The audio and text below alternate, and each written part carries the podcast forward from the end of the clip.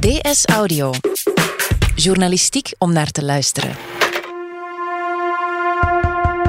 Terwijl er standbeelden van Leopold II sneuvelen, zien we streamingdiensten op eigen initiatief content offline halen die niet meer past in de tijdsgeest van vandaag. Maar wat is die tijdsgeest van vandaag? Zitten we in een belangrijke overgangsfase? Senior writer en historicus Mark Reinebo geeft wat duiding.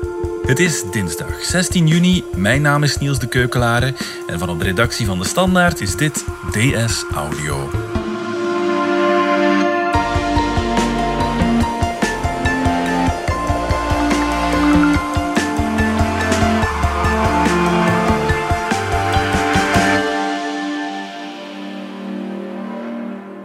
Ja, je zou hier meteen een bedenking kunnen maken. Mark, jij als blanke geleerde man van 64 die aanschouwt wat er zich in de maatschappij afspeelt op dit moment. Witte geleerde, moet Witte je zeggen. geleerde man zelfs, absoluut. Sommigen zouden het een bevoorrechte positie noemen.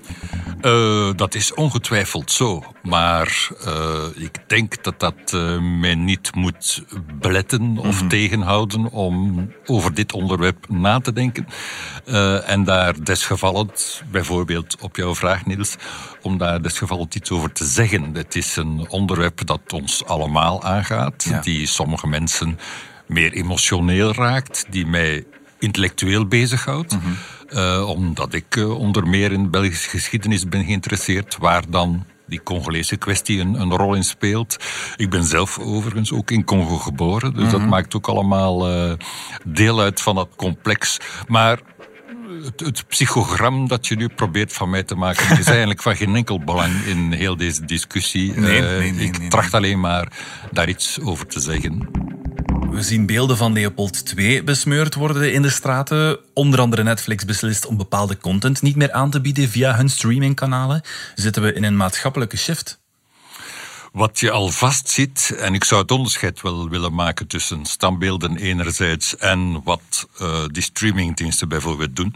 Maar wat je wel ziet is dat er een bepaalde gevoeligheid is ontstaan. Een gevoeligheid die gaat over problemen die al zeer oud zijn, maar die nu plots in een bepaald klimaat lijken eh, aanleiding te geven tot ja. eh, opzienbarende acties. Het is zeer opzienbarend om een standbeeld neer te halen of te besmeuren. Het gaat wat België betreft alvast niet alleen om Leopold II. Er is ook een standbeeld van eh, koning Boudewijn met verf overgoten.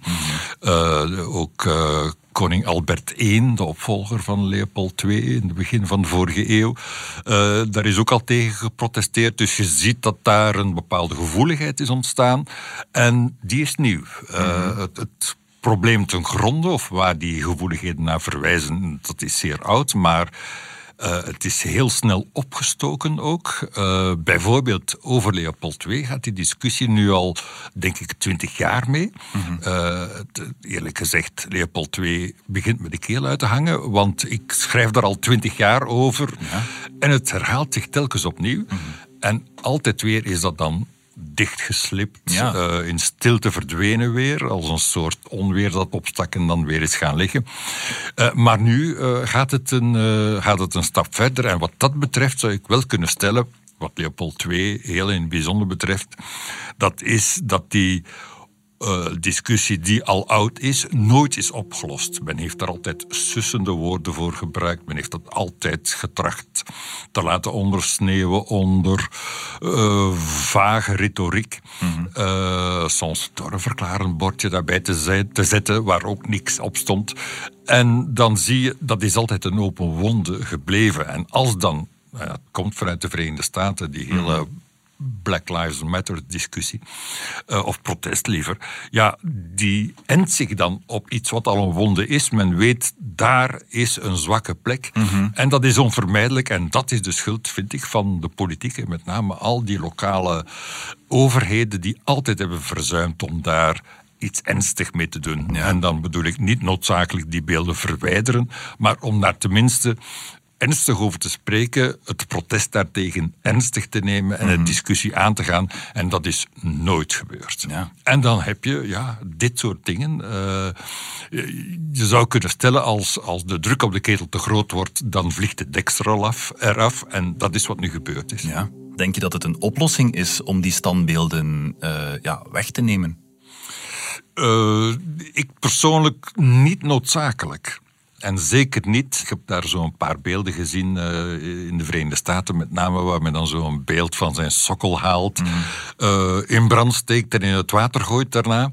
Um, dat komt al een beetje in de buurt van vandalisme. Mm. Ik denk dat het noodzakelijk is, aangezien die beelden zich in de openbare ruimte bevinden, dat het een zaak is die ons allen aangaat.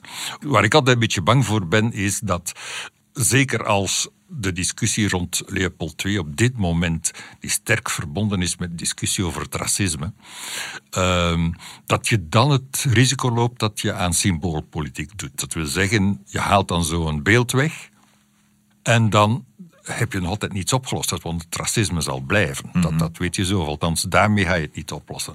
In alle geval, zo'n standbeeld vervangt de geschiedenis niet. Mm Zo'n standbeeld is geen geschiedenis. Het is geen bron van historische kennis. Zoals veel lokale burgemeesters en zo wel vaker zeggen. En je haalt een stuk geschiedenis weg. Nee, je haalt een stuk propaganda weg. Mhm. Dat is het verschil. En, en het enige wat zo'n beeld kan leren is hoe de propaganda de historische werkelijkheid of de historische feiten kan verdoezelen en ontkennen en mhm. negeren. Of zelfs expliciet tegenspreken. Maar is zo'n beeld ook niet net in de functie van iemand te, te vereren, zeg maar, om die op een piedestal te zetten? Letterlijk. Daar mhm. dient een, een, standbeeld of een straatnaam of zo. Is een vorm van eerbetoon. Mhm. Eh, men wil uh, iemand via zijn stenen beeltenis, als het ware, uh, in leven houden, aanwezig houden. En dan inderdaad op een piedestal, in een parkje, et cetera. En net daar wringt het nu, hè? En daar wringt het, omdat die positie uh, voor ons vandaag helemaal veranderd is. Enfin, wat Leopold II is, deze nuance wel van belang, dat is dat hij bijna 120 jaar geleden uh, ter discussie stond internationaal om precies dezelfde reden waarom hij vandaag ter discussie staat, omwille van de mensenrechten. Mhm. En de schending van de mensenrechten die hij organiseerde uh, in Congo, of waar tenminste de verantwoordelijke voor was. Dus je kan niet zeggen onze normen zijn veranderd. Maar je zou toch kunnen zeggen, moeten we zo iemand nu nog een standbeeld geven in mhm. Brussel? Ja, laat het een aansporing zijn om die geschiedenis te leren kennen. En ik merk ook wel dat daar een soort uh, nieuwsgierigheid naar bestaat. Uh, van ja, wat is daar precies aan de hand? Kan je zeggen, is hij een massamoordenaar? Heeft ze niet persoonlijk vermoord? Hij is nooit mhm. in Congo geweest. Uh, het, het, kon hem gewoon niet schelen. en waarom kon, kon het hem niet schelen? Omdat hij die Congolese bevolking ja, minderwaardig achten, zelfs onder zijn status, om zelfs maar aandacht aan te besteden. Het enige waar hij ze kon voor gebruiken was om dwangarbeid te organiseren, mhm. slavenarbeid. En dat, men heeft dat altijd geweten, van in de late 19e eeuw. En het is eigenlijk om dezelfde reden dat dat protest nu weer opgenomen is. En het geeft er ook die historische dimensie aan die, het, die nodig is om, om dat te begrijpen waarom dat eh, zo'n pijnpunt is. Mhm. En dan is nog een bijkomende vraag, ja, als je dan zo'n standbeeld hebt, wat moet je er dan mee doen? Ik vind, je moet ze zeker bewaren, omdat ze een, laten we zeggen op een metaniveau, wel degelijk een, een historisch object zijn. Mhm. En we moeten niet doen alsof het kolonialisme nooit heeft bestaan dat is wel degelijk aanwezig geweest. We moeten er alleen wat kritischer mee omgaan dan tot nu toe gebeurt. Ja, maar volstaat het dan om een plakkaatje erbij te zetten met wat extra uitleg? Want dat is nu net ook de kritiek dat dat toch nog steeds te veel vererend is. Ja, ja, zeker, zeker. En het is het, dezelfde discussie voor die rond het museum in Tervuren geweest, wat een, een, oorspronkelijk een soort etalage was voor Leopold II, voor zijn met name economische weldaden in, ehm, in, in Congo.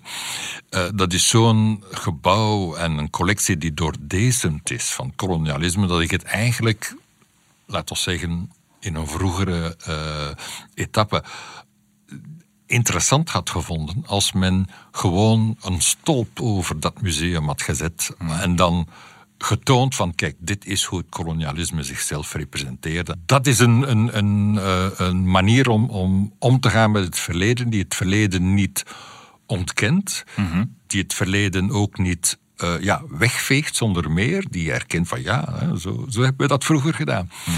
Eh, we hebben die Leopold II vereerd. En dan daar louter een bordje bij zetten van uh, de man is een beetje omstreden of zoiets. Of hij heeft miljoenen Congolezen vermoord. uh, is, is dan ja, een beetje halslachtig in die zin dat je dan de vraag kan stellen: ja, waarom heb je hier dan nog een beeld staan als je erbij moet zeggen dat hij miljoenen mensen heeft vermoord? Of althans verantwoordelijk is voor de dood van een bijzonder groot aantal Congolezen. Mm. Dus die boodschap is altijd een beetje dubbel. Dus uh, kun je ze weghalen? Ja, je kan dat zeker, maar je moet ze niet vernietigen, laat staan in brand steken en in het water gooien. Hm. Vandaar ook dat ik zo een gehavend beeld ook altijd wel interessant heb gevonden. Een beeld waar een hand van afgezaagd is, een beeld dat besmeurd is met rode verf. Hm. Uh, omdat het dan aangeeft van, ja, dit is een deel van ons verleden, ons collectieve verleden, hoe dan ook. Uh, maar daar zijn wat amendementen bij te maken. En de afgezaagde hand is daar een illustratie van. De, de verf is daar een illustratie van. Of je zou die beelden gewoon allemaal uh, ja, kunnen inventariseren in een of ander park, waarbij je mhm. duidelijk zegt van kijk, dit hebben wij gedaan. Ja. En dat is een heel rechtstreekse ingreep die toch het materiaal zelf intact laat. Mm Ja, een standbeeld kan je in een museum zetten, maar wat doe je met een film of een serie die niet meer beschikbaar is? Wat je in het algemeen kan stellen is dat allerlei bedrijven, want de meest van die streamingsdiensten zoals HBO en Netflix en UK TV en noem maar op, eh, en eigenlijk ook de BBC, maar in zeker geval die, die Amerikaanse of van eh, Amerikaanse oorsprong zijnde streamingdiensten, zijn commerciële bedrijven. Mhm. Wat die willen vermijden is ophef, gedoe. En in mijn inziens zijn zij nogal ja, schichtig, omdat dat nu plots een issue is in de samenleving, met name in de Verenigde Staten. En uh, willen ze vooral geen miserie hebben. Waarbij misschien wel wat ondoordachte, snelle beslissingen worden getroffen of genomen. Namelijk, we willen geen problemen, want wat dat betreft is dat slechte mhm. publiciteit. Ja. Dus ja, dit gaat niet zozeer om politieke correctheid. Ik denk dat dit over commerciële voorzichtigheid en misschien commerciële hypervoorzichtigheid gaat. Zeker omdat die streamingdiensten een zeer ruim aanbod hebben. Dat krijg je mhm. nooit uitgekeken, is mijn indruk. Ja, het gevoel leeft toch wel dat het om politieke correctheid gaat. Hè? Zorgt dat dan niet juist voor polarisering? Die polarisering, denk ik, is voor een stuk onvermijdelijk, maar het geeft opnieuw aan dat je moet het niet over alles eens zijn hè, met, met elkaar. Dat is absoluut niet nodig. Uh, of zelfs uh, mogelijk, denk ik. Mhm. Maar je kan een soort consensus hebben over het verleden. Hoe het verleden in elkaar zit. En je moet daar zelfs niet meteen morele oordelen aan, aan verbinden. Moet je zeggen, Leopold II is slecht ik vind het volstaan als je weet, dit en dat heeft Leopold II in Congo aangericht. En dan weet je genoeg. Eh, je hoeft niet per se in morele termen over schuld of, hmm. of uh, onschuld in, in sommige gevallen te, gaan spreken. Dat is denk ik ook niet de issue. Dat leidt ook alleen maar uh, de aandacht af of ja, legt de kern van de discussie verkeerd, denk ik. Politieke correctheid, ik heb daar een beetje een probleem mee, omdat het veronderstelt dat dat hersenloos pro of contra is. Ehm, en dat je gewoon een aantal ja, gedicteerde regels uh, moet volgen. Mhm. Eh, ik denk niet dat dat de juiste manier is om dat aan te pakken. Uh, omdat er ook een soort morele lading onder zit. Ja. Het mag niet omdat het fout is. Mhm. Ehm, mijn idee daarover is, we moeten het daar wel eens over hebben, omdat het beeld wat je voorgeschoteld krijgt in zo'n standbeeld of plaket of buste of straatnaam er een is van eerbetoon en ook van propaganda. Mhm. Politieke propaganda. Uh, moeten wij dat nog altijd accepteren, die propaganda? Dat lijkt mij een veel interessanter debat. En het gaat precies, of het stelt diezelfde objecten ter discussie. Die mhm. standbeelden, die straatnamen. Uh, we moeten het daarover hebben. Hetzelfde met. Uh, de Cyril Verschavenstraat eh, in Vlaanderen. Die nu gelukkig één na mhm. één aan het verdwijnen zijn, maar je ziet toch dat daar veel politieke weerstand tegen mhm. is. En met dezelfde argumenten, politieke correctheid, dat het uh, de geschiedenis uitwist of zoiets. Ja. Het feit blijft, het was een nazi. Willen wij een nazi eren in onze straten? Lijkt me geen goed idee. Mm en dat is meer dan politieke correctheid, dat is denk ik historische kennis van. Mm Men zegt dan wel dat dit een bevlogen dichter en dit en dat was. Ja, eh, bevlogen zeker, een goed dichter, nee. Maar ook een nazi. En dat uh, is dan heel moeilijk te aanvaarden. Ja. Maar het, het, helpt ons niet verder om wat tegen elkaar op te gaan schreeuwen. Van politieke correctheid aan de ene kant of racist aan de andere kant. Dat, dat helpt niks vooruit. Heb je het gevoel dat er vaak verscholen wordt achter het uh, niet komen tot een goede consensus in dit soort discussies? Het, uh, het is zo dat er een, een vrij ruime overeenstemming is over wat er aan de hand is. Dus nu stellen van er is geen consensus over uh, Leopold II, dus we hoeven niks te doen of we moeten nog een beetje wachten. Mm Dat is een, uh, een uitvlucht. Uh, wat ik me wel kan voorstellen is dat officiële instanties, zeker op dit moment, wat aarzelend zijn om een standpunt in te nemen, mm -hmm. hoewel het hen zou sieren natuurlijk. Wat dan de koning zelf betreft, koning Filip dan vandaag, dat is onze, ons staatshoofd en, en die is een beetje de marionet van de regering in deze.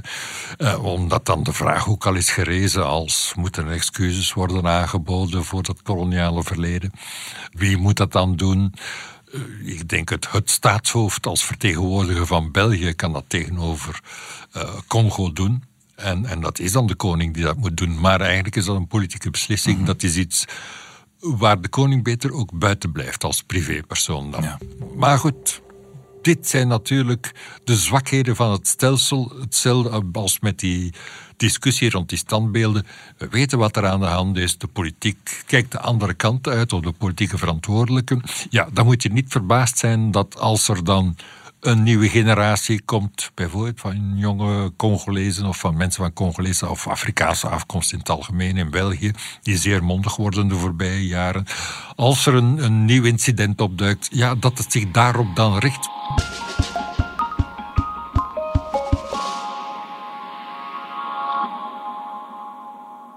Hoe komt het dat dit net nu allemaal zo gevoelig ligt?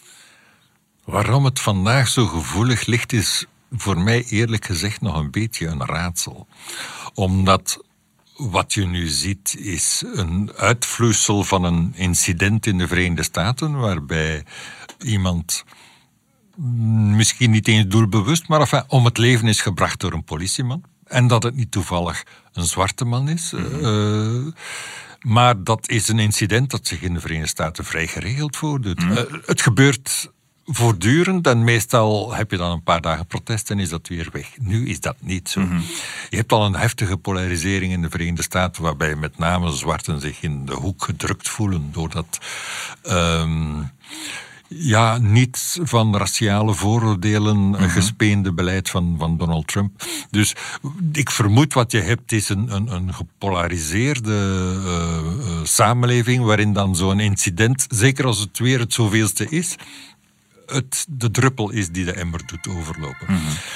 En misschien ook wel omdat er een, um, die discussie over kolonialisme, postkolonialisme, um, de nood om onze geest wat te decoloniseren, dat dat bewustzijn toch aan het groeien is. En ja, die Leopold II is de focus daarop gericht. Mm -hmm. En dan ja, barst het uit en, en, neemt het ook altijd maar een ruimere omvang. Ja. Uh, op een schaal die ik tot nu toe nooit heb gezien, die je vandaag ziet, dat men in God betert Ekeren, waar ik niet eens wist dat daar een beeld van Leopold stond, het ding in brand heeft gestoken uh, en nu weggehaald. Mm. Daarin zie je dat de spanningen van die aard zijn, dat alles wat daar enigszins verband mee hangt, dat dat uh, een voorwerp van kritiek is, mm -hmm. een voorwerp van vandalisme, van vernietiging. Um, terwijl ik altijd denk van, begin niet stuk te maken vooraleer je eens goed uh, gesproken hebt over al die dingen. Mm -hmm. Ja, wie beslist er dan wat nog wel kan en wat niet? Er is een verschil tussen wie beslist en wat er kan of niet. Mm -hmm. Wie beslist, dan denk ik idealiter wij allen samen. Wij leven in een democratie. Uh, wie beslist eigenlijk? Er zijn autoriteiten die daar de financiële en ook de technische middelen voor hebben. Vroeg me af, hoe, hoe gaat dat precies? De Universiteit van Bergen heeft een standbeeld van Leopold II laten verwijderen uit een economiefaculteit. Die hadden daar dan een gigantische kraan om hmm. dat ding weg te halen. Uh, dus je moet daar een soort instelling voor hebben. Maar die moet dan wel vertegenwoordigen wat er allemaal leeft het is in alle geval zo dat daar het initiatief moet van komen. Dat die moeten openstaan voor wat er aan de hand is allemaal. Wat, wat de ideeën zijn die leven, wat de reflexen zijn die daar rond ontstaan. Nog voor we aan de moraal beginnen, de waarheid is al moeilijk genoeg. Uh, wat kan en wat niet kan, uh, dat neigt naar dogmatiek. Hè? Dat je zo vooraf gaat bepalen, dit soort onderwerpen of dit soort standpunten kunnen we niet accepteren, waar je dan doorgaans zelfs geen uitleg bij geeft. Mm -hmm. Dat is een vorm van eenheidsdenken die je, die je moet vermijden. Mijn probleem is, je bent alleen maar geloofwaardig als je consequent bent. En dat houdt onder meer in dat je toch moet uitkijken om dat arsenaal van beelden altijd maar uit te breiden. Niet mm -hmm. met straatnamen. Ja. Ik heb zelf in een straat gewoond, ooit van, die genoemd was naar Remy Vlerik, waarvan ik geen idee heb wie het is. Ik denk dat het een uh, lokale politicus was in het Gentse. Uh, ja, misschien, en excuseer mij nu postuum voor Remy Vlerik, maar misschien sloeg hij zijn vrouw of deed hij belastingsfraude. Je weet het dus niet. Mm -hmm. Dus je moet mee uitkijken dat je niet, laten we zeggen, een moreel oordeel laat voorafgaan aan, aan een soort eerbetoon, of althans als je dat in rekening neemt, dat je daar consequent in blijft. Mm -hmm. ja, Anders is het einde zoek. Ja, waar trekken we die lijn dan? Ja, ja goede vraag, ja. Laten we het daarover hebben. Nee, want we hebben het nu altijd over iets theoretisch. Hè? Mm -hmm. uh, hoe dat in de praktijk moet. De, de, transitie van regimes. En bij ons gaat dat heel traag. Hè? We hebben een, een uh, laten we zeggen, autoritair kolonialistisch regime gehad. Dat is nog altijd overgegaan uh, in, in onze historische traditie tot de dag van vandaag. Mm -hmm. Die overgang is natuurlijk niet zo abrupt zoals met de Golfoorlog of met het vallen van de muur. Uh, maar die discussie uh, dringt zich op. Mm -hmm. Dat is de, de, waarvan je moet vertrekken. En ja. ik heb daar geen pasklare oplossing voor. Mm -hmm. Maar ken je geschiedenis. Mm -hmm. Het materiaal is daar. Oké, okay. Mark Reinebo, dankjewel. Alsjeblieft. Dit was DS Audio. Wil je reageren? Dat kan via dsaudio.standaard.be. In deze aflevering hoorde je Mark Reinebouw en mezelf Niels de Keukelare. De redactie gebeurde door mezelf, de eindredactie door Anna Korterink. Brecht Plasgaard deed de audioproductie en schreef ook de muziek die je hoorde in deze podcast. Vond je deze podcast interessant? Weet dan dat je er elke werkdag één kunt beluisteren. Dat kan via de DS Nieuws app of via standaard.be-audio. Je kunt je ook abonneren via iTunes, Spotify of de podcast app van je keuze. En als je daar dan toch bent, schrijf gerust een review. Zo toon je ook anderen de weg. Morgen zijn we er opnieuw.